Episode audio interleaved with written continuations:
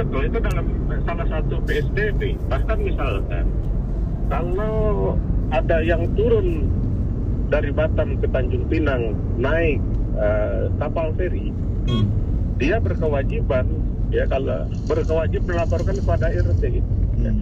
atau masyarakat tempat melaporkan kalau tahu wajib dia mengkarantina 11 selama 14 hari Hmm. karena resiko di kapal feri itu itu sangat tinggi untuk terjadinya transmisi. Oke. Nah ini kalau sekarang kita mau laksanakan dasarnya itu belum kuat karena belum ada eh, katakanlah eh, dasar hukum yang mengatur itu. Betul, betul. PSBB inilah sebetulnya untuk menguatkan Hmm. agar masyarakat itu uh, mematuhi terhadap uh, protokol-protokol Hmm. yang memang sudah dipersiapkan Hmm. Untuk melakukan PSBB. Artinya ada kekuatan hukum ya dok ya. Ada kekuatan hukum Oke. gitu. Ini jadi kalau langkah antisipasi yang dilakukan bisa dari komplek-komplek perumahan dengan memasang portal. Nah, Betul. Itu gimana? Sekarang bisa, sekarang bisa asal itu ditumbuhkan kesadaran pemahaman bersama. Hmm. Makanya saya pernah mengatakan kita memang belum ada ditetapkan sebagai PSBB.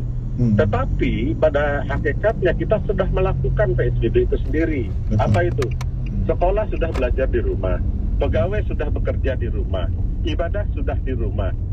Ya kan nikah boleh tetapi pesta ditunda. Hmm. Ini PSBB sebetulnya kan gitu. Dan tidak ada lagi kita menonton atraksi-atraksi yang eh, melibatkan atau mengumpulkan masyarakat umum untuk menonton atraksi hiburan, Hmm. atraksi sosial, budaya dan lain sebagainya sudah tidak ditemukan gitu. Kecuali pasar kan itu ya. Hmm. Pasar nggak boleh ditutup, tetapi memang ini harus dibatasi.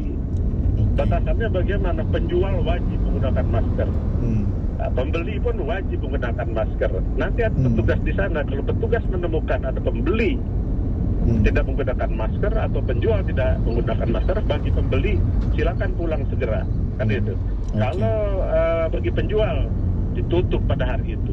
Hmm. Itu sebetulnya prinsip itu eh, pembatasan sosial berskala besar ini. Oke.